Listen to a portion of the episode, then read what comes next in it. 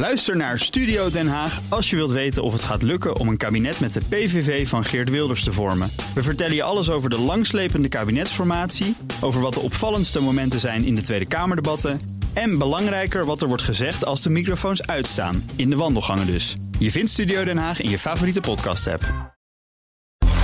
De Nationale Autoshow wordt mede mogelijk gemaakt door Leaseplan. Leaseplan. What's next? Luister ook eens naar deze podcast. De Kwestie Wolf. Dat kan via de BNR-app. Met live radio en breaking news. Download hem nu en blijf scherp. BNR Nieuwsradio. De Nationale Autoshow. Meindert Schut en Wouter Carson. Derde generatie alweer van de Panamera. Zojuist onthuld. We zitten bovenop het nieuws. Ja. Bovenop. Ja, we spreken straks uh, Porsche Nederland. Gaan vast uh, de kleur van onze duurtesten doorgeven. Moet het weer geel zijn met BNR-stickers? Of willen we iets anders uh, deze keer? Iets groens. Iets groens is ook wel leuk, hè? Ook wel leuk. Ja. Dat is pas groot bij het nieuwe kabinet, denk ik. Ja. Groen rechts. Nou ja, ik, ik, ik, weet niet of dat wel zie of maar een groen-rechts kabinet zou. Ja. Dat heeft Mark Rutte uitbedacht, groen-rechts. Ja, maar Mark Rutte deed alles. Uh, die zei altijd maar wat, hè? Ja, ja dan wordt hij nu nee, afgestraft ja, in de verkiezingen. Nu, nu ja. gaat er echt wat gebeuren. Goed. nou ja. uh, we hebben in ieder geval ook een Oh. rijimpressie in de Lotus Lettre. Ja, hebben we net opgenomen, die uh, ja, inderdaad. Vers van de pers. En we spreken zo de rijvereniging. Onder andere over de verkiezingsuitslag natuurlijk. Wat gaat dat voor gevolgen hebben ja. voor ons automobilist? Ja, eerst autonieuws gaan Ja, doen. laten we dat doen. Uh, de laatste Audi TT is geproduceerd. Ja, is jammer Heb toch? je er ooit nog iets terug? Ik heb, nee, nee, nee, voor de luisteraars die denken, waar gaat dit over? Ik had een eerste generatie Audi TT in het zilver met de goede wielen, 225 pk ja, mooi ding was Echt, maar, maar ja, echt een mooi ding. En, ja. en, het is gewoon echt een design-icoon. Gejat. Ja. Uh, lang verhaal, maar goed, dat maakt het allemaal niet uit. En nee, ik, jammer, het is een, het is een gave auto. Een stuk, ja, Audi moet de, de, de fondsen in elektrische dingen stoppen en in zelfrijdende auto's en Dieselgate nog een beetje afbetalen. En ja, dan sneuvelen dit soort gave projecten eigenlijk. Wel jammer, want het is wel gewoon een leuke auto. En ik denk dat er nog steeds wel markt voor was geweest. Nou, hè, want als we even kijken naar de premiersauto. We gaan natuurlijk van een Saab 9-3 naar een Audi TT. Ja, hij He? heeft, had een Audi ah, TT. Ja, ik weet niet, zou die hem nog, heeft hij hem nog? Weet ik niet. Hij ik, heeft hem nog, hoor ik. Ja? Oh, oké. Okay. Nou, dan moet hij hier maar een keer gewoon... 55.000 kilometer op de teller. Ja. Hij wordt natuurlijk nu alleen maar gereden met gepantserde auto's. Ja. Maar is dus ook wel, Geert Wilders, Geert Wilders is, is ja. dus wel een petrolhead-achtig ja. wezen, zeg maar, zomaar zeggen. Dan denk je dat zijn haar zo mooi zit. Ja, ja van de snelheid. Nee, dan moeten we hier maar een keer over komen praten. Ja, dan, hè? ja bij deze uitgenodigd. Uh, gemiddelde Nederlandse EV-rijder, is ook nieuws, mm -hmm. is een man tussen de 40 en de 60 jaar oud.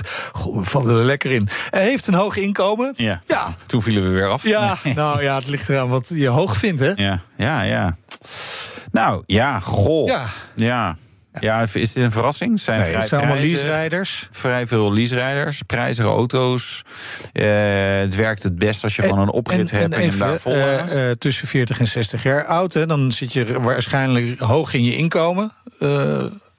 Relatief. Hoezo stijgt het daarna niet meer door? Ja, weet ik niet. Ik hoop het. Het kan. Het kan. Het kan. Nee, maar daarna het daalt het weer. Uh, nee. Of daarna koop je gewoon weer wat je zelf wil hebben. En, en hoog inkomen. Je, hè? Dus ja. je kunt ook zeggen, ja, elektrisch rijden is gewoon duur. Duur. Het is een dure, het is een dure hobby. Het is een dure. Een links hobby. Is het dan een links of een rechts hobby? Dat vind ik altijd verwarrend.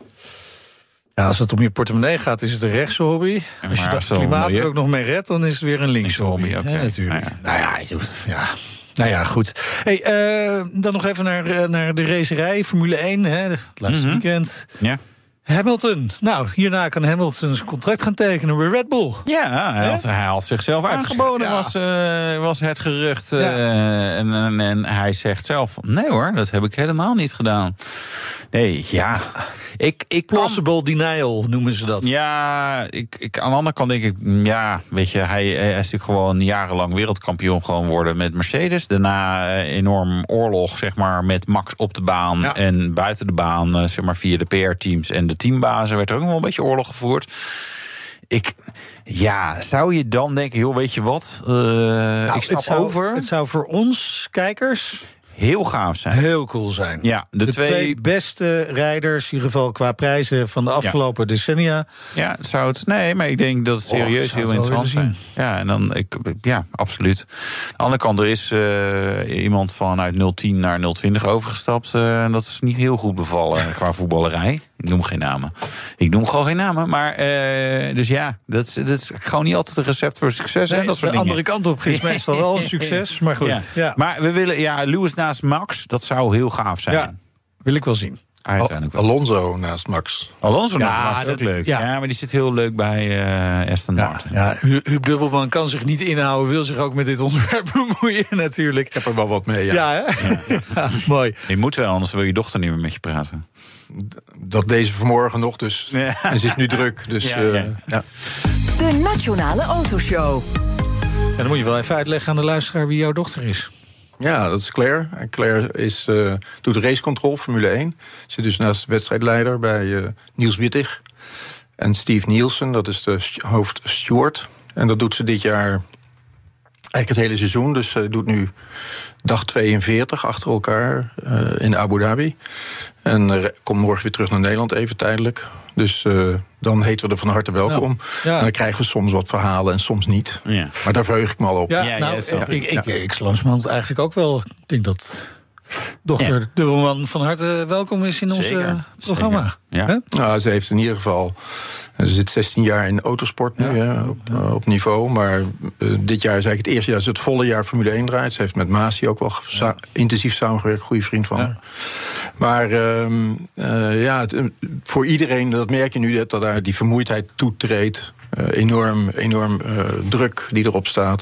Er reist natuurlijk 3500 man, vaste staf mee elk weekend. Hè? Dus er wordt wel gewisseld met de teams en dergelijke. Maar die wedstrijdleiding blijft eigenlijk als één unit overend. Met Ja. een aantal mensen eromheen. Maar het is natuurlijk enorm eh, intensief.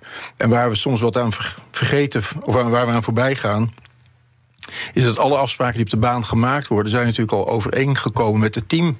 De teams, de coureurs. Dat ze er dan vanaf wijken is natuurlijk wat anders. Ja. Maar dan krijg je in het commentaar vaak wat raar op radio, televisie. Eh, terwijl natuurlijk in werkelijkheid anders ligt. Ja. Ja. Maar goed, eh, morgen de laatste race. Wordt toch spannend. We hebben een aantal fantastische races gehad. Laten we daar wel over zijn. Misschien wel het mooiste seizoen. Ondanks dat Max altijd voor, voorin zit. Eh, dat doet hij overigens ook niet voor niks. Want het is gewoon de, de beste combinatie op afstand. Maar daarachter is natuurlijk gewoon heel indrukwekkend Ja. wat er gebeurt. Ja, absoluut, ja. Maar Eh, we moeten het, moeten het ook over, over politiek Heb, gaan heb hebben. je, want, nou, eh, één vraag hier. Heb je wel eens tijdens de wedstrijd naar je dochter van... joh, Nee, nee, nee. nee. De, de enige, de enige, Zo, dat was nee. buitenspel. Ja. Dat is ander, Nee, de, enige met wie ik app tijdens het raceweekend is met Jos Verstappen. Ah. Ja. Ja, dat doe ik wel. Al sinds een lange tijd, ja. Oh, gezellig. Mooi. Denk ik. Ja, zeker. Ja. Omdat hij nogal eens snel is met zijn reactie. Ja, ja, ja. Nee, nee, dat, ja, nou ja, maar dat mag ook. Hij is de vader van. En, Ja, eh, dus top, dan, dan, top, ja. top. Fantastisch. Ehm, ja, politieke aardverschuiving deze Nou. week. Hè? Dus een ruk naar rechts voor de autosector. Ja. nou ja, voor iedereen denk ik. Of misschien niet. Hè? Er kan, er kan nog iets gebeuren in de eh, formatie. Maar wat, wordt- wat wordt de inzet van Ja, de autosector in de formatie? dat Huub Dubbelman de sectievoorzitter personenauto's en lichte bedrijfswagens is bij de rijvereniging, hè, de brancheorganisatie voor auto-importeurs en automerken. Dus we hebben niet zomaar iemand uitgenodigd om hierover te praten. Ik was zo bang dat het alleen maar over Formule 1 zou gaan. Nee, onzin. Ik bedoel, het is. eh, ik denk dat, en dat geldt natuurlijk, en dat is wat hier eh, de afgelopen dagen natuurlijk ook is gebeurd, de, de verrassing van de, van de verkiezingen. Ja. Daar waar iedereen een sterke focus had op de verdere verduurzaming, hè, dat is waar we allemaal op aan het jagen waren, omdat we doelstellingen hebben die we in 2030 willen halen. Dat wordt nu even afwachten. Positief is natuurlijk wel dat er heel snel al een verkenner eh, is eh, eh, benoemd. Positief is dat hij op 5 december al iets gaat zeggen. Lastig. Ja, maar dat iets zeggen kan ook zeggen, ja, we, we weten nog niet. Ja, dat zou ook kunnen. Maar het feit dat er binnen 24 uur, zou ik bijna willen zeggen, een verkenner benoemd is. eentje hey, die. die verfrissend. Dat is eigenlijk ook wel waar, waar de, de- hè, wij kiezers ook wel een beetje naar hunkeren. Van jongens, Nou ja. laten we niet dat, dat gedraaien, gekonkel en de bureaucratie... en we houden vast aan de regels en niemand weet eigenlijk waarom. Ik, ik, denk, ik denk dat dat een, een van de belangrijke belangrijkste element is geweest in die enorme verschuiving die we hebben gezien. Het, het gebrek aan vertrouwen van wat de overheid nou precies doet op dat gebied. Ja. Uh, regelgeving, uh, iedereen is een beetje de weg kwijt. Dat, zie, uh, dat hoor je hier in de, in de, achter de microfoon in verschillende programma's ook ja. wel. Het bedrijfsleven wat gewoon zit te hunkeren naar duidelijkheid. en zeker als we het over de automobiliteit hebben. Dat zien we in de, in de stagnatieverkoop of uitleveren richting leasemaatschappij. Nu niet. Een beetje geflatteerd. Nu wordt alles nog uitgeleverd wat vorig jaar besteld is. Maar voor 2024 wordt het natuurlijk allemaal wat lastiger. Ja, ja. behalve voor de lichte bedrijfswagens. Maar dat is weer een ander onderwerpje. Ja, dat is een heel ander onderwerp. Uh, die pakken we later nog eens. Even, uh, woensdagavond verkiezingsuitslag. Uh, was je verrast? Ja, en het werd heel laat.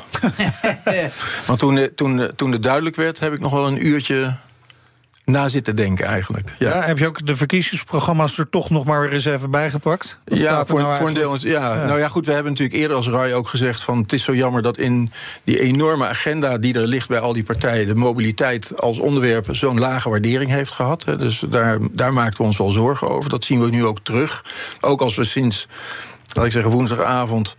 de specifieke verkiezingsprogramma's van de vier mogelijke of drie mogelijke coalitiegenoten, gesprekspartners erop naslaan. Dan zijn er natuurlijk een aantal dingen die opvallen.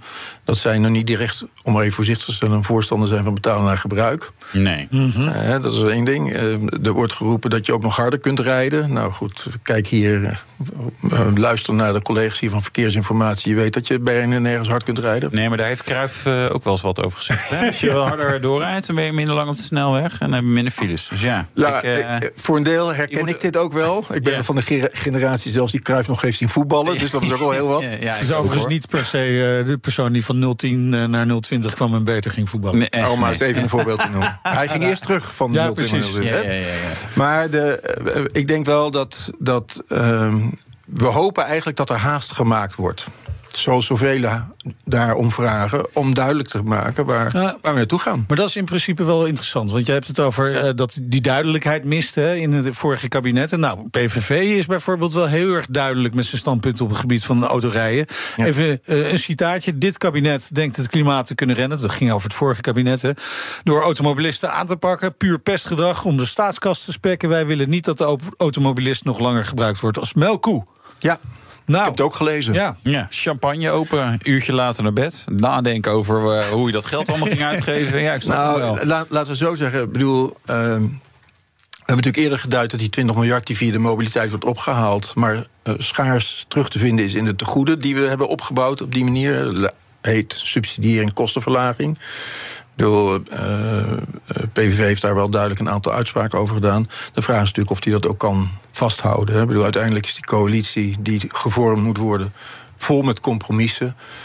Uh, en de vraag is of, uh, of, of in ieder geval, en dat hopen we dan dat. Dat het niet duurder wordt. Hè. We hadden nu de afgelopen periode, die onzekerheid, die ging ook gepaard met de mededeling dat alles duurder werd. Uh, en dat is natuurlijk de vraag wat dat nu gaat gebeuren. Ja, nou ja, kijk, als je PVV-standpunt bekijkt, die zeggen natuurlijk heel gewoon niet als melkkoe. Dus dan is het niet heel logisch dat het duur, nog duurder wordt. Dus de vraag of hij, uh, hij de partij PVV, uh, alles waar kan maken, inderdaad. Dat snap ik inderdaad ook wel. Maar ja, het lijkt mij dat ze, ja, dat ze wel aan de betaalbaarheid gaan werken. En, ja. en dus wel... Ze hebben in ieder geval gezegd minder accijns op brandstof. Hè? Ja. Dat is dan een van die thema's. Het is een beetje afhankelijk met wie ze erover praten. En als je naar de standpunten van de mogelijke gesprekspartners kijkt. Ja, dan hebben we het over NSC, BBB ja. en dan VVD als gedoogsteuner eventueel. Ja. Ja. ja, we zullen de toekomst moeten afwachten hoe lang ja, ze dat volhouden. Het is, ja, het is een beetje onvoorzien natuurlijk op dit moment allemaal. En dat maakt het ook lastig. Wat het vooral lastig maakt is voor de zakelijke autorijder... die op dit moment gewoon überhaupt niet weet... wat hij na 24 moet gaan doen auto's die eigenlijk nu in de race zitten om volgend jaar besteld te worden. De consequentie van is dat er misschien teruggegaan wordt naar benzineauto's in plaats van EV's. Maar één ding weten we wel. Op lange, middellange termijn moeten we voldoen aan de afspraken die lang geleden in Brussel zijn gemaakt. Dan wordt de tijd om dat te corrigeren korter. En die bete dat betekent per definitie dat het duurder wordt. Ja. Wat, welke afspraken doe jij dan op? De CO2-uitstoot van het wagenpark? Bijvoorbeeld, ja. Ja. En wat ja, nog meer? Nou, dat is dat een van de belangrijkste dingen. De, fijn, de, de fijnstofdiscussie is meer lokaal natuurlijk. Het heeft dan weer invloed op de, de zero-emission stadszones... Uh, waarover gesproken wordt, waarvan er ook voor- en tegenstanders zijn. Ook in de partijen die we nu met elkaar uh, dreigen te verbinden. Um, maar, maar Huub, PVV zegt hier gewoon, en Wilders zegt hier gewoon op van... Uh, nou, hoeven we ons helemaal niet aan te houden. Ja. He, dus we gaan gewoon terug naar Brussel en zeggen: jongens, ik denk, uh, ik herzie denk, die plannen maar. Ik ben er bijna van overtuigd. Ik bedoel, ik ben geen politieke duider. Maar één ding is, duidelijk, is wel duidelijk. We hebben daar ooit afspraken over gemaakt. En daar zullen we ons aan moeten houden. Hoe dat mm -hmm. En een kabinet zit vier jaar. Ja. Uh, dus dat betekent dat in de periode die nu gaat Als het VVD niet meedoet, dan zitten ze misschien wel een keer vier jaar. Ja. ja. ik vraag me niet aan voorspellingen. Nee. Maar wat ik wel weet, is dat de tijd dat het daarna gecorrigeerd moet worden... Ja. Ja. krapper wordt. Ja, en precies. dat, en dus, dat is veel spannender. Dus dat zou kunnen betekenen dat uh, het komende kabinet de, de, de remmer opzet bijvoorbeeld... maar dat je daarna extra gas moet geven op de verduurzaming van het uh, Dat is een enorm risico, ja, ja, ja, ja absoluut. Ja. Maar we zien natuurlijk ook wel veel Nederlanders... die die overstap naar elektrisch gewoon nog niet kunnen of willen, maar vaak ook niet kunnen maken. Dus ja, zo gek is dat standpunt van de PVV is al niet van ja, jongens, dit, dit gaat gewoon nog even niet. Nou ja, misschien herinneren jullie ook wel dat er in het verleden, ook in dit programma herhaaldelijk is gezegd: het is fijn om vooruit te lopen. Nederland loopt vooruit in de rest van Europa als het gaat om de ontwikkeling van EV's. We hebben ook gezegd: het kan niet te veel geforceerd worden, want dan loop je tegen allerlei beperkingen aan. Denk even aan laat infra. Er is een ander belangrijk element. En dat is natuurlijk de, ontwikkeling, de prijsontwikkeling van auto's. Daar waar een aantal idealisten dachten dat die dingen van 30.000 euro of veel minder er al zouden zijn. Nou, er is een enkeling. Ja. Ben ik wat voorzichtig? Er is een enkeling die daar nu aankomt. Ja. We hebben ook gezegd, verwachten dat in 25 we echt door die 25.000 euro heen gaan. En als je dan gaat kijken naar wat er kan gebeuren, is het voor een aantal mensen aantrekkelijker om naar een uh, elektrisch auto te gaan. Ja, of maar dit, dit, dit, voelt ook wel een beetje. Uh, ik bedoel, 1 januari staat weer. Uh, dan ga ik, ja, dan, dan ga ik echt minder snoepen weer. Weet je wel? En dan 25, dat is over, over je jokt. Je ja, jokt. je jokt. Nou ja, dus. Ja. Nou, kijk even in de spiegel. Nee, maar even voor die twee. De, de, de, de, de, van, die beloften zijn als. Ja, over twee, drie jaar. Dan komen we met die goedkope. En dan wordt die accu. En nou, als de doorbraak dit. Dus het, er zitten wel heel veel mits en maren. En dat moet maar elke keer gebeuren. En het is eigenlijk nog niet gebeurd. Ja, maar jij, jij bent wereldreiziger in Autoland. Yes. Dus je hebt veel van dit soort verhalen ook overal gehoord. Ja. En ook overal zijn er data genoemd die achter 24 liggen, 2024 liggen. Ja. Ja. Voor, voor de introductie van een, wat wij dan gemakshalve hier aan tafel even een betaalbare elektrische auto benoemen. Nou, 25.000 euro is nog steeds een hoop nou ja, geld. dat is precies het verhaal natuurlijk. Ik kan ja. me ook nog wel herinneren, hebben we Ja. ook al eerder gezegd. Vroeger kon je ook een auto van 10.000 gulden kopen. Ja, heerlijk. Ja. ja. Ik heb ze zelf ook nog gehad. Nou ja. ja, precies. Nee, dat is eh, die prijsontwikkeling van voertuigen met alles wat erbij hoort, die is natuurlijk, ik zou willen zeggen, hoog. Hè? Die, en, en dat betekent, Mede door de eisen van Europa natuurlijk. ja, Brussel. comf- comfort. Ik bedoel, ook een. Kijk wat er in de hele kleine auto's zitten, voor zover ze nog beschikbaar zijn. Dat zijn in feite hele grote auto's met heel veel voorzieningen. Gestopt in een heel klein autootje. Ongelooflijk knap geëngineerd natuurlijk. Absoluut. Uiteindelijk, ja, zeker. eh, Ja. ver- Verplichte voorbereiding alcoholslot, Yes, sir. verplichte Yes, verplicht on-call, verplicht Ja. dit, Gaan we benzinepark aanstaan. van Ja. 40. Ja. Dus Ja. eh, en een heleboel dingen is zit op het randje van ja, hoeveel nut heeft het als mensen straks gewoon geen nieuwe auto meer kunnen Ja, kopen. klopt. Nou ja, goed, dat is waar wij natuurlijk voortdurend voor waarschuwen. En Ja. zeggen van ja, de consequentie van het gevolgde beleid achter ons. eh, eh, heeft ertoe geleid dat er heel veel eh, jong gebruikt import is gekomen. En oud gebruikte import. En, en ook, maar als je naar de aantallen kijkt, dat is Ja. zeg maar vier tot zes jaar is eigenlijk. Drie tot vijf jaar, drie- tot zes jaar is de grootste groep. Dat is natuurlijk financieel het aantrekkelijkst. Maar één ding Ja. weten we wel: die auto's die zijn drie stappen achteruit als het gaat om wat de mo- moderne techniek biedt. Ja. Dus van verduurzamen is er überhaupt geen sprake. Sterker nog, we wandelen achteruit. En met wat er nu ligt, wandelen we natuurlijk nog verder achteruit. En ja, dan komen die verduurzamingsdoelstellingen natuurlijk nog verder weg te liggen. Ja. Maar wa- wat zou. eh, Even, kunnen we het concreet maken? Wat, wat zou de percentage moeten worden? Hè? Zeg maar, als we kijken naar afspraken Europa, elektrische auto's verkopen in, in, in, in Nederland in, in de komende jaren? Maar, ik bedoel, aanvankelijk was natuurlijk geprognotiseerd dat er in 2030 ongeveer 100% nieuw verkocht Ja. eh, Ja. elektrische worden. Nou, dat kun je vergeten. De laatste prognoses, ook bij de Rijksoverheid, tikken tegen de 60 procent. Als je dat door terugrekent naar de aantallen, moet je naar uh, uh, pak een beet uh, 70 tot 80 procent nieuw verkoop elektrisch. Zijn we nog lang niet. Hè? We, zitten bij een kwart ongeveer. Ja, maar zeggen, het is eigenlijk precies om, omgedraaid. Ja, ja, ja, en, en dus de groeicurve is niet. Die vlakt ontzettend af. Ja. Maar wat is er voor nodig om dat wel voor elkaar te krijgen? Uh, daar, daar, was natuurlijk oorspronkelijk de gedachtegang om in die verduurzaming uh, een middellange termijnvisie uh, te duiden. Waarbij je zegt van oké, okay, we hebben een aantal vaste kosten, voorspelbare kosten, die we mee kunnen nemen in de kilometerkostprijs van een auto. Want uiteindelijk ging toch nog steeds 80% van die auto's naar de zakelijk rijder. Ja. Ja, dus dat is, daar, daar moeten we nu van kijken wat er op korte termijn besloten wordt in Den Haag. In hoeverre dat dan ook nog een doelstelling kan zijn. Ja, maar heel concreet, wat, wat, wat wil je. Ja, je moet straks uh, het gaan uitleggen aan, aan allerlei bewindspersonen die nog niet zo lang bewindspersoon zijn. Voor de eerste keer ergens in een kabinet zit potentieel. Dus eigenlijk heel concreet: van, joh, geen wegenbelasting, uh, lagere bijtelling, subsidie. Wat, wat, wat hebben we nodig? Ja, ik ja, denk, ik zie je nee schudden, maar. Nee, moet, ja. nou, dat, nee, dat nee schudden heeft vooral te maken met het feit dat we met heel veel nieuwe mensen te maken hebben. En niet alleen op uh, ministerieel niveau, bewindsliederniveau, maar in de Kamer natuurlijk ook heel veel die daar iets over moeten gaan zeggen. Dus ik denk dat, het, dat we even moeten kijken waar ze in hoofdlijnen naartoe gaan. En dan vullen wij daarna, de, voor zover dat gaat, de agenda in die we graag willen hebben. Maar het moet een, er moet geld naar de elektrische auto, anders gaat het niet gebeuren. Nou ja, of je dat geld aan de voorkant geeft in de vorm van subsidie. Of je zorgt dat in de looptijd van het contract van de auto. Uh, uh, zo zijn we ooit begonnen natuurlijk met. Uh, met Bijtelling. in de Ja. bijtelling. Hè, dat is een variant. Nou ja, toen hadden we bijtelling en investeringsaftrek en, Klopt, en MRB klopt, eh, klopt. vrijstelling. Ja. En die mix is natuurlijk onbelangrijk parkeren in Amsterdam. Voor een heel elitair gezelschap. ja, toen, Ja, ja, ja. toen hadden we ook nog 500 laadpalen in Nederland in plaats van anderhalf. eh, Nee, en nog heel even kort informatie, hè, want die heeft natuurlijk ook eh, invloed op de zekerheid en onzekerheid over het beleid. Want Mhm. ja, als we nu horen wat de opstelling is van de VVD, dan zou je toch kunnen denken: dit kan best wel eens een lange formatie worden. Wat, wat zou dat betekenen voor de automotive sector? Nou ja, misschien. Laten we, laten we hopen dat het een snelle formatie wordt. Ja. Met of zonder VVD. Hè. Bedoel, Qua informateur gaat het goed, hè? Ja. Dus Maar goed, je zag natuurlijk dat, eh, dat eh, eh, voor een deel de partijen kozen voor een versnelde vorm van verduurzaming. En misschien dat via de Kamer daar toch meer druk op gezet kan worden. Dus bedoel, willen we aan die langjarige Europese verplichtingen voldoen, dan zal er ergens wat bewogen moeten worden. En wij hopen zo snel mogelijk. Ja, maar dit is, klinkt weer niet als muziek in de oren voor al die mensen die op de PVV hebben gestemd en dat dus niet willen. Die Nee, dat kan- versnelde dat- verduurzaming. Nou, dat weet ik niet of ze dat niet willen. Ik bedoel, het, het is wel geroepen.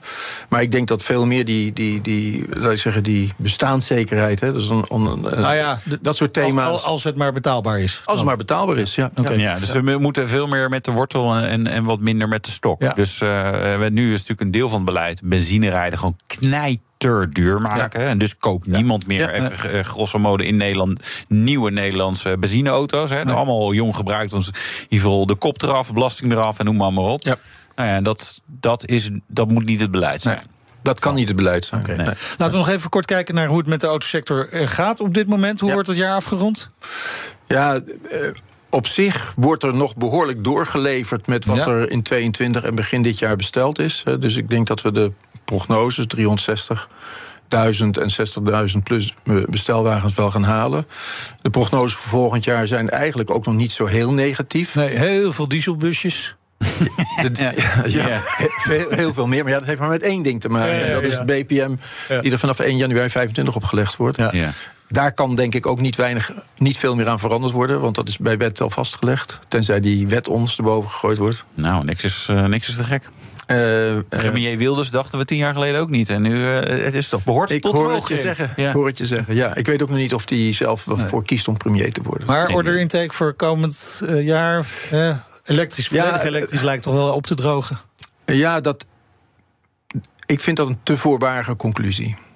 Dat zou ik ook zeggen als ik in de autosector werkzaam was. Dank u en, wel. En, en, en toch een beetje politieke geen ook hebt. Hè? Dus je weet nou misschien een minister Hey. van... eh, ja, ja, ja. Nee, wordt een balletje opgegooid. Nee, daar zit een leeftijdsgrens eh, aan, gelukkig. Nee hoor, maar eh, ik bedoel, ik begrijp waar jullie op sturen. En je hebt ook gelijk, dat, die antwoorden zoeken wij ook. Ja. Dus wij, wij eh, zijn voortdurend in Den Haag bezig om te luisteren en te doen.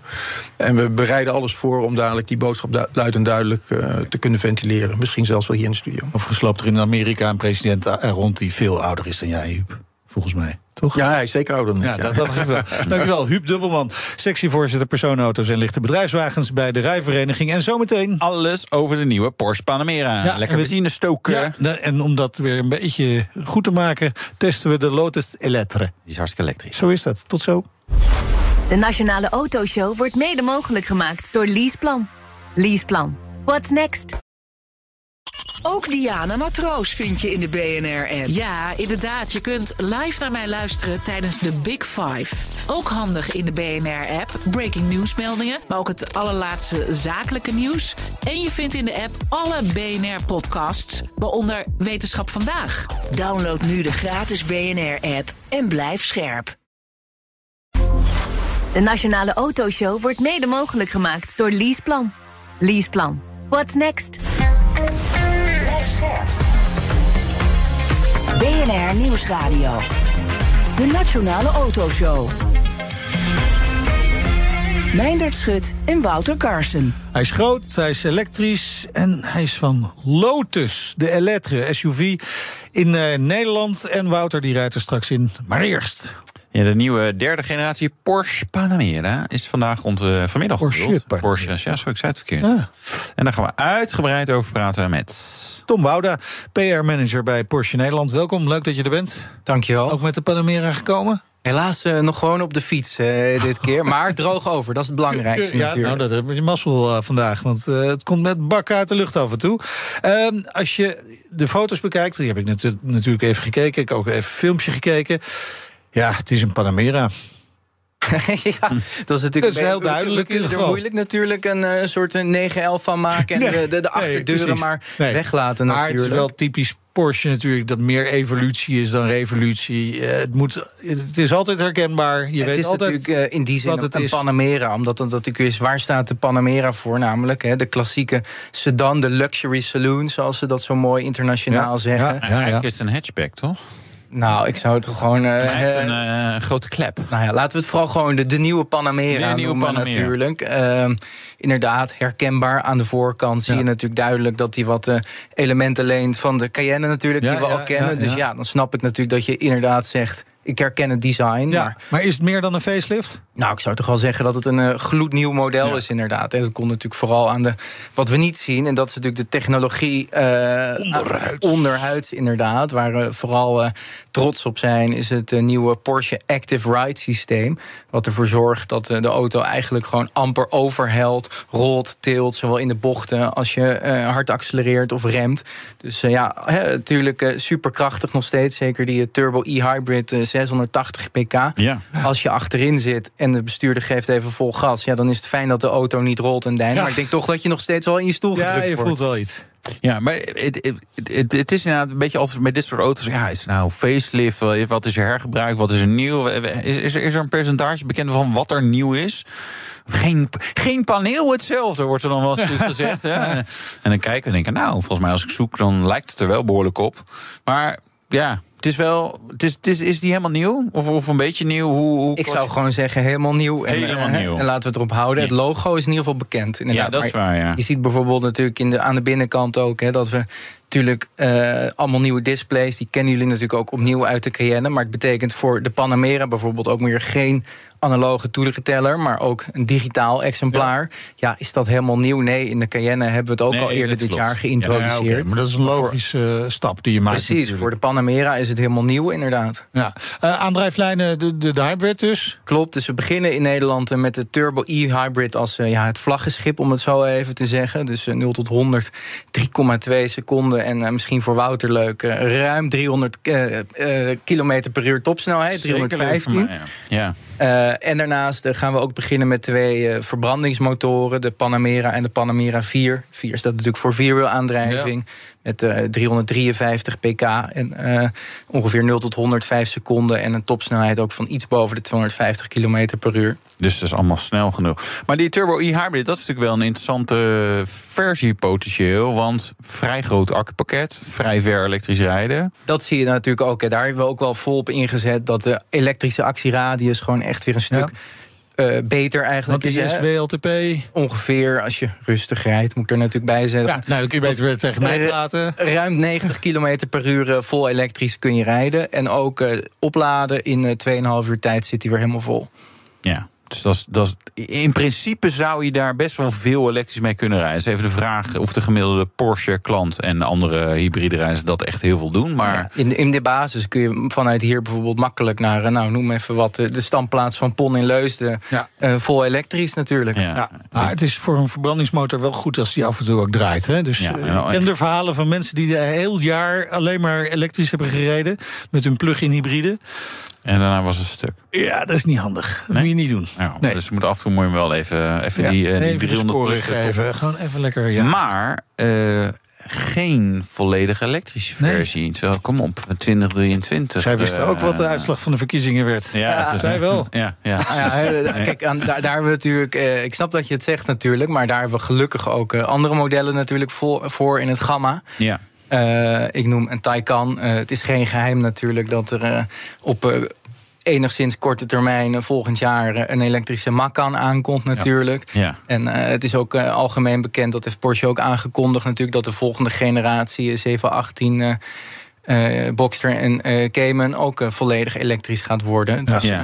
maar zou die de Taycan ook een beetje in de weg zitten? Nou, ik denk wel qua karakter dat het wel verschillende auto's zijn. Hè. De Panamera is toch echt nog uh, iets comfortabeler en kan ook sportief zijn. En de Taycan wordt toch wat meer nog als uh, elektrische sportwagen in de markt gezet. Ja, maar ook met ook een sedan natuurlijk. Ja. Of, uh, nou ja, het bereik natuurlijk proberen we natuurlijk zo groot mogelijk te maken. Hè. Ook ja. om de dagelijkse inzetbaarheid zo groot mogelijk te maken. Ja, we hadden het net over onderstel, technologie. Weer next level, zou je hem zo moeten omschrijven? Ja, ik heb, dat is jammer. Ik heb er zelf nog niet in gereden. Ik heb hem natuurlijk al wel live gezien, bijvoorbeeld. Hè. Ja. Dus, uh, daar, maar gereden heb ik zelf nog niet. Maar als ik uh, de grafieken en de interne presentaties kijk... waarin je bijvoorbeeld zo'n heel mooi diagram ziet... van wat is er allemaal mogelijk... en hoe ver slaat het uit naar comfort en sportiviteit... dan, uh, ja, dan is een A4'tje qua bereik voor de grafiek niet genoeg. Snap je wat ik bedoel? Ja. Dus je moet nog sportiever kunnen rijden... als je er even voor gaat zitten, mm -hmm. even die Sport Plus aanzet... En als je lekker comfortabel ja, wil, wil zoeven over de weg, dan moet dat ook in deze auto kunnen. Ja. Nou, ik moet zeggen, dat was altijd mijn nou ja, enige kritiekpunt. Panamera kan er meer verzinnen. Maar eh, een van de dingen die ik wel zei tegen. Ik, ik krijg best wel vaak van mensen. Oh, wat, wat, wat is dat dan vergeleken met dat? Ik zeg, Panamera vind ik fantastisch. Maar als je het vergelijkt met bijvoorbeeld een S-klasse of een 7-serie, is allemaal een beetje. Of een Audi A8, zomaar nog een eigen stal. Die hebben zeg maar een nog comfortabele stand ja, vergeleken dus met een Pan Panamera. is altijd wel, is altijd wel sportief. Dus is een Porsche natuurlijk. Ja, ja, nee, maar, maar is dit dan ook niet een beetje een compromis? Nou ja, ja alles is een compromis. Nee, ja, maar goed, met, waar, met, maar... met uh, natuurlijk adaptief instelbare onderstellen en dat soort zaken, kan je natuurlijk wel heel erg de spreiding zeg maar, groot gaan maken. Ja. En het viel mij op, uh, als je dan ook aan wat van de concurrenten heb ik gereden, dat ik dacht, nou, die spreiding is bij de andere eigenlijk groter. Dus ik, ik ben, ben ik benieuwd zeg maar, wat, wat de nieuwe inderdaad doet. Of die, zeg maar, die comfortstand inderdaad zeg maar, nog net iets zachter. Ja. ja, het is heel stom. Ik, weet je, als je gewoon op de snelweg rijdt, en zeker als je gewoon niet uh, op de autobaan echt door kan blaffen, is het natuurlijk gewoon lekker als het gewoon lekker, weet je, alles een beetje wegfiltert. Ja. Dat is allemaal prima. En dan kom je in de Alpen en denk je, nou, nu in, in de RAM-modus. 680 maar dan is, dan is dus, dus ook de vraag of die echt concurreert met de S-klasse en de, en de 7-serie. Mm, of ja. dat het een eigen ja, Tom vindt van niet, denk ik. Of maar nou ja, natuurlijk, eh, zeker in die klasse, laten we eerlijk zijn, koop je ook vooral wat je mooi vindt, welke merkuitstraling bij je past. Mm. Ja. Als jij 100% van de tijd achterin zit, ja, dan heb je natuurlijk in de S-klasse eigenlijk vrijwel niks te zoeken. Uh, en als je toch een beetje combineert en ook voorin wil zitten en je houdt ook van sportief rijden, dan ja. is Porsche natuurlijk ja. bij, dan is die Panamera Premier Wilders die, die ja, schijnt die Audi TT nog te hebben. Dus dan denk ik, nou, die, die is zo'n 7-serie. Ik denk dat dan hij niet zelf mag rijden. Nee, dat is waar, ja. Dus nee, je probeert natuurlijk altijd uh, een auto uh, aan te bieden die past bij de klantengroep. Ja, en ook hierin is het natuurlijk achterin heerlijk zitten in die Panamera. Ik zag beelden met van die zachte kussentjes, uh, zoals je dat uit de eerder gememoreerde modellen ook kent. Die, die biedt Porsche ook aan.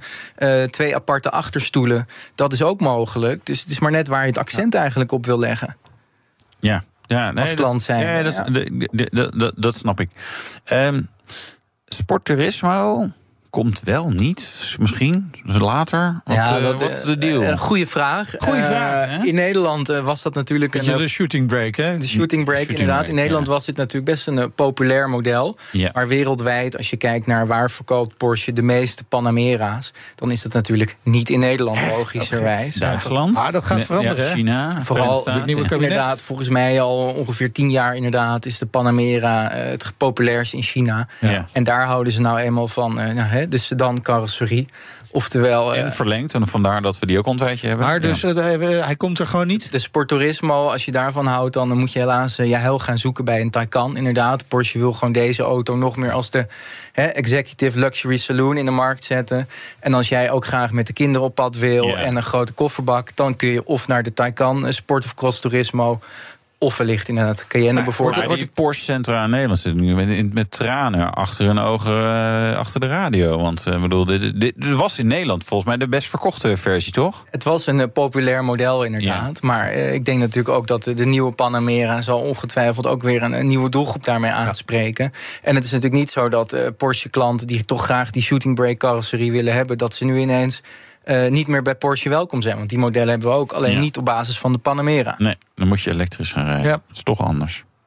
Het maakt de keuze wel makkelijker natuurlijk. En dan hoef je alleen nog maar naar de prijs te kijken. Het gaat, hè, het gaat meer om wat, wat is die auto nou? En dat is toch meer, nog iets meer hang naar luxe. En ja. Ja. voor dagelijks met de familie op pad. eh, de Labrador, om even een cliché erin te gooien. Allemaal kotsmisselijk rijden in je turbo eh, e-hybrid. Het was wel een voorzetje van mij dat ik over die prijs begon. Ja, ja. Ik zal even de spiekbrief erbij pakken. Want het model is natuurlijk nog dusdanig vers... dat ik die prijzen nog niet helemaal eh, goed uit mijn hoofd weet. Eh, maar kijk even op de spiekbrief inderdaad. Eh, de Panamera...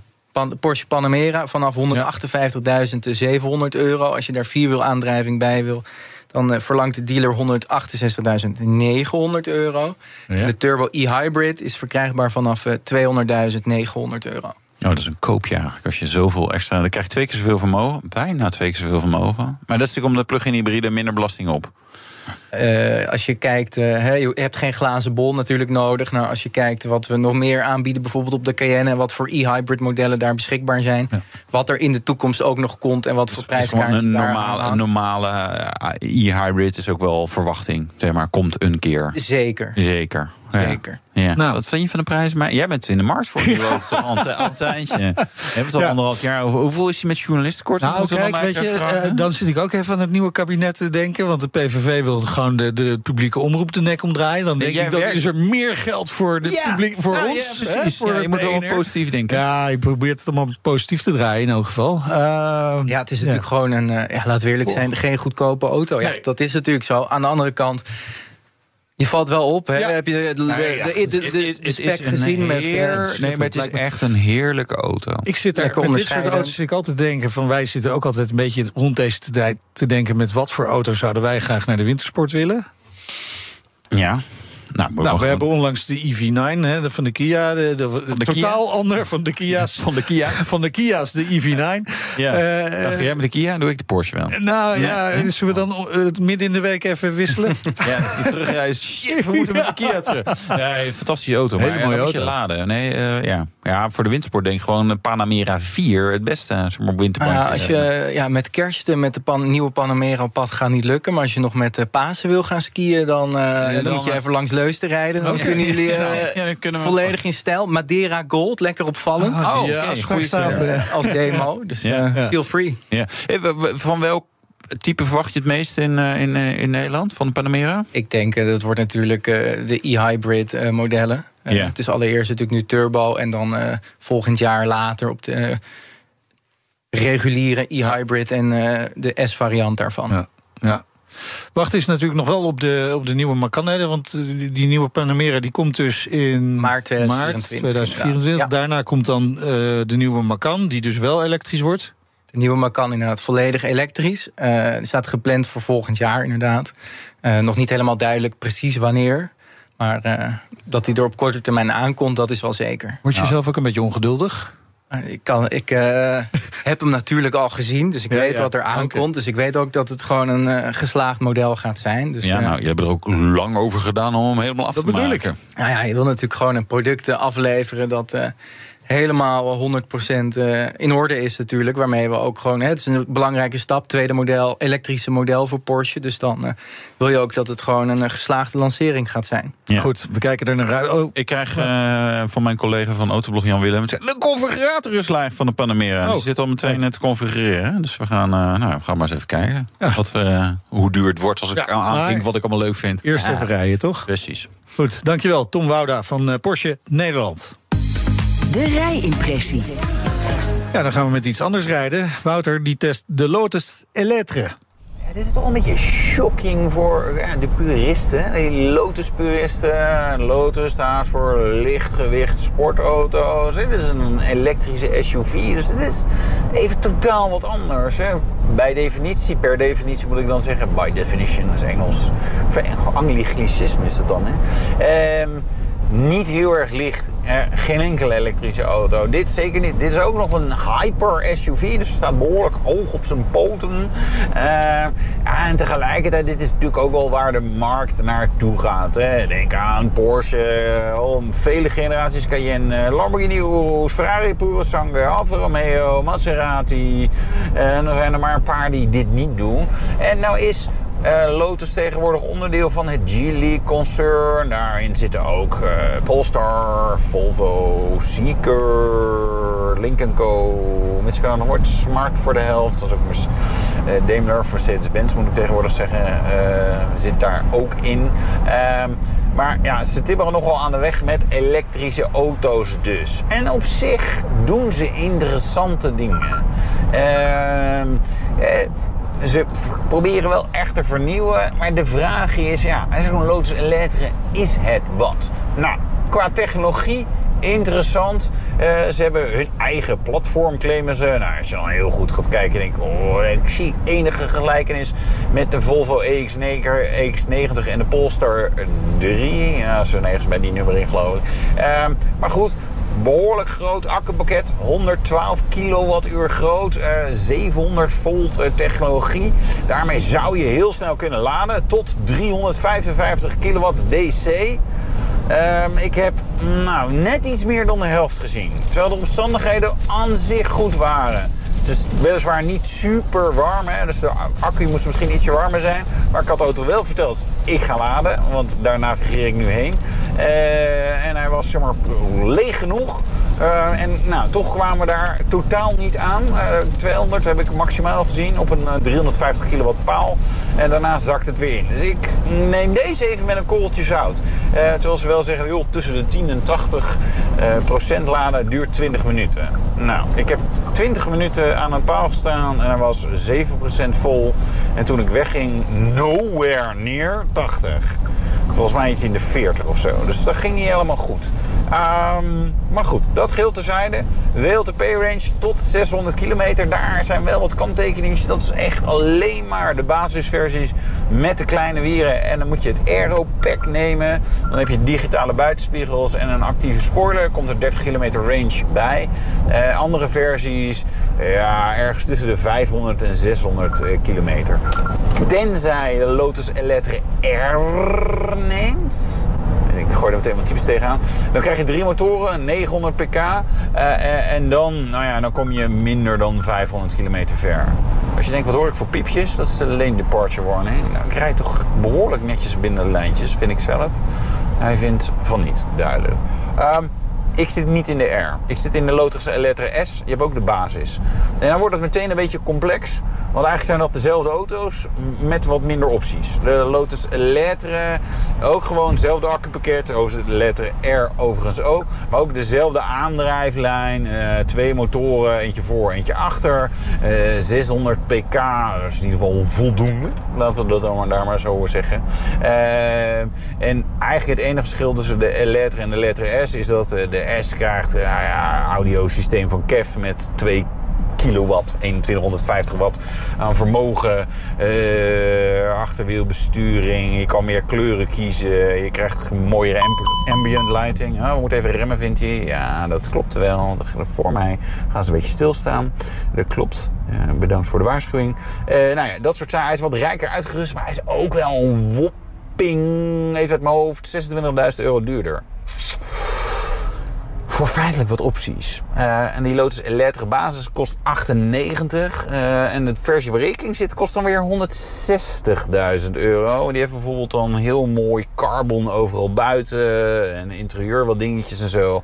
Dus het is wel prijzig. Normaal behandel ik dat al een beetje aan het einde van de uh, rijimpressie. Maar goed, nu kwamen er spontaan op, zullen we maar zeggen. Omdat we de motoren aan het behandelen waren. Nou, wat is dan de aandrijflijn van de Elettra en de Elettra S?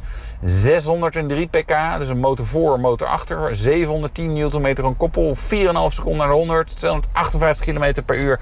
Topsnelheid. Nou ja, weet je, hij is snel. Heeft een mooi onderstel. Uh, adaptieve demping. Luchtvering kan in de hoogte. Uh, actieve rolstabilisatie. Dat is trouwens ook een verschil tussen de Elettra uh, en de Elettra S. achterwielbesturing. Dus het is echt wel... Hij heeft een hoop grip. Kan er harde bochten mee door. En ik dacht, nou ja, weet je, een sportwagenmerk. Vierwielaandrijving. Dus nou ja, het worden geen epische rookgordijnen en dikke donuts die ik ga draaien. Maar je verwacht dat dit een, een SUV is die een beetje het karakter van een auto heeft waar Max Verstappen ook in wil rijden. Namelijk dat je een beetje kan sturen met het gaspedaal, dat hij een beetje pointy is. En sinds jullie allemaal Formule 1 kijken, weten jullie eindelijk dat dat heel belangrijk is. Word je wereldkampioen mee. En dus dat je ja, dit die auto een beetje wil roteren als je een bocht ingaat. En dat je gas loslaat, dat je misschien de neus naar binnen draait. Maar ook als je op het gas gaat, nou, dan heb ik 600 pk ik verwacht dan, nou, gaat aan de achterkant wat doen. Hij doet ook wat, namelijk wielspin op het binnenste wiel. Uh, en daarna gaat hij ondersturen. En dat is over de voorwielen wegglijden. En ik rij nu net langs een Citroën C1, zeg maar waar je oma in rijdt. Ja, dat doet een Citroën C1 ook. Of een Peugeot 207. Of een Toyota Yaris. Ja, ik rij allemaal langs dat soort auto's nu. Dat is allemaal voorwielaandrijvers. Als je te hard bocht in of je geeft te veel gas ja, dan glijdt hij over de voorwielen weg. Heel veilig, voorspelbaar, fantastisch voor de meeste mensen. Maar daarvoor koop je toch geen Lotus? Dus dat is misschien wel ja, het grootste probleem met deze auto. Er zijn er nog wel wat meer. Dat is niet. Ja, het is gewoon niet zo leuk. Het is niet zo leuk als het zou moeten zijn. De Lotus Elettre Ai, ai, ai. ai, ai, ai. ik ga niet, het irritante, ik, ik moet, ga zo dus echt maar letterlijk studio uit. Ga ik hem van de laadpaal halen. En dan moest ik nog weer even tussendoor laden. Want het snelladen niet helemaal deed wat, wat ik had gehoopt. En dan moet ik hem gaan inleveren. En dan zegt ze, hoe was het? Ja, ja, ja, nee, goed, ja, ja, nee, het is. Ja. Ja. Nee, ja, een beetje mixed feelings. Aan de ene kant vind ik het gaaf. Aan de andere kant, ik, ik vind serieus, ze hadden daar meer van kunnen maken. Ik, ik had ook wel dingen met software qua bruikbaarheid. Zodat ik dacht, mm, maar dat is wel te fixen met over die gewoon een, een Volvo? Ja, nee. nee. Ze hebben toen gezegd, hey, allemaal, alles is anders. Ja, dat is natuurlijk niet zo. Maar ze hebben natuurlijk wel iets anders van proberen te maken. Maar ja... Is daar dan heel veel in misgegaan? Nee, ik, ik, ik weet niet. Eh, met, uh, ze zijn in de basis... Ja, ik weet niet. Ik vond hem gewoon niet zo leuk. En, en dan, nou ja, dan dat snelladen wat niet helemaal, helemaal goed en dan gaat. Toch en dan een wat dikke klap geld ervoor moeten betalen. Deze, zeker dit exemplaar, maar zit voor heel veel uh, euro's aan carbon op. 160.000 euro, echt heel duur. Uh, letter S dus vanaf 125 even uit mijn hoofd, 124. En die letter vanaf 98. Dat, en als je daar niet al te veel opties op aanvinkt, vind ik hem nog wel oké. Okay. Okay, Dan ja. heb je wel een gave auto uh, en, en 600 pk. Maar die duurde versies, mm, ik weet niet. Hij ziet er wel gaaf uit. Van voor vind je. Zeker van voor. Even, ja, ja, achter, achter iets minder. Ja, ja, valt, valt mee te leven. Goed. Ja. Dit was de Nationale Autoshow. Daar moet je maar mee leren leven. Voor vandaag, hè, voor deze week dan. Want volgende week zijn we er gewoon weer. Terugluisteren kan ook via de app, via de website, via een podcastplatform naar keuze. Vergeet. Ook Hugo Reitsma vind je in de BNR-app. Superhandig die BNR-app. Je kunt alle programma's live luisteren, breaking nieuwsmeldingen. Je blijft op de hoogte van het laatste zakelijke nieuws. En je vindt er alle BNR-podcasts, waaronder natuurlijk de belangrijkste, Boeken zijn in de wijk. Download nu de gratis BNR-app en blijf scherp.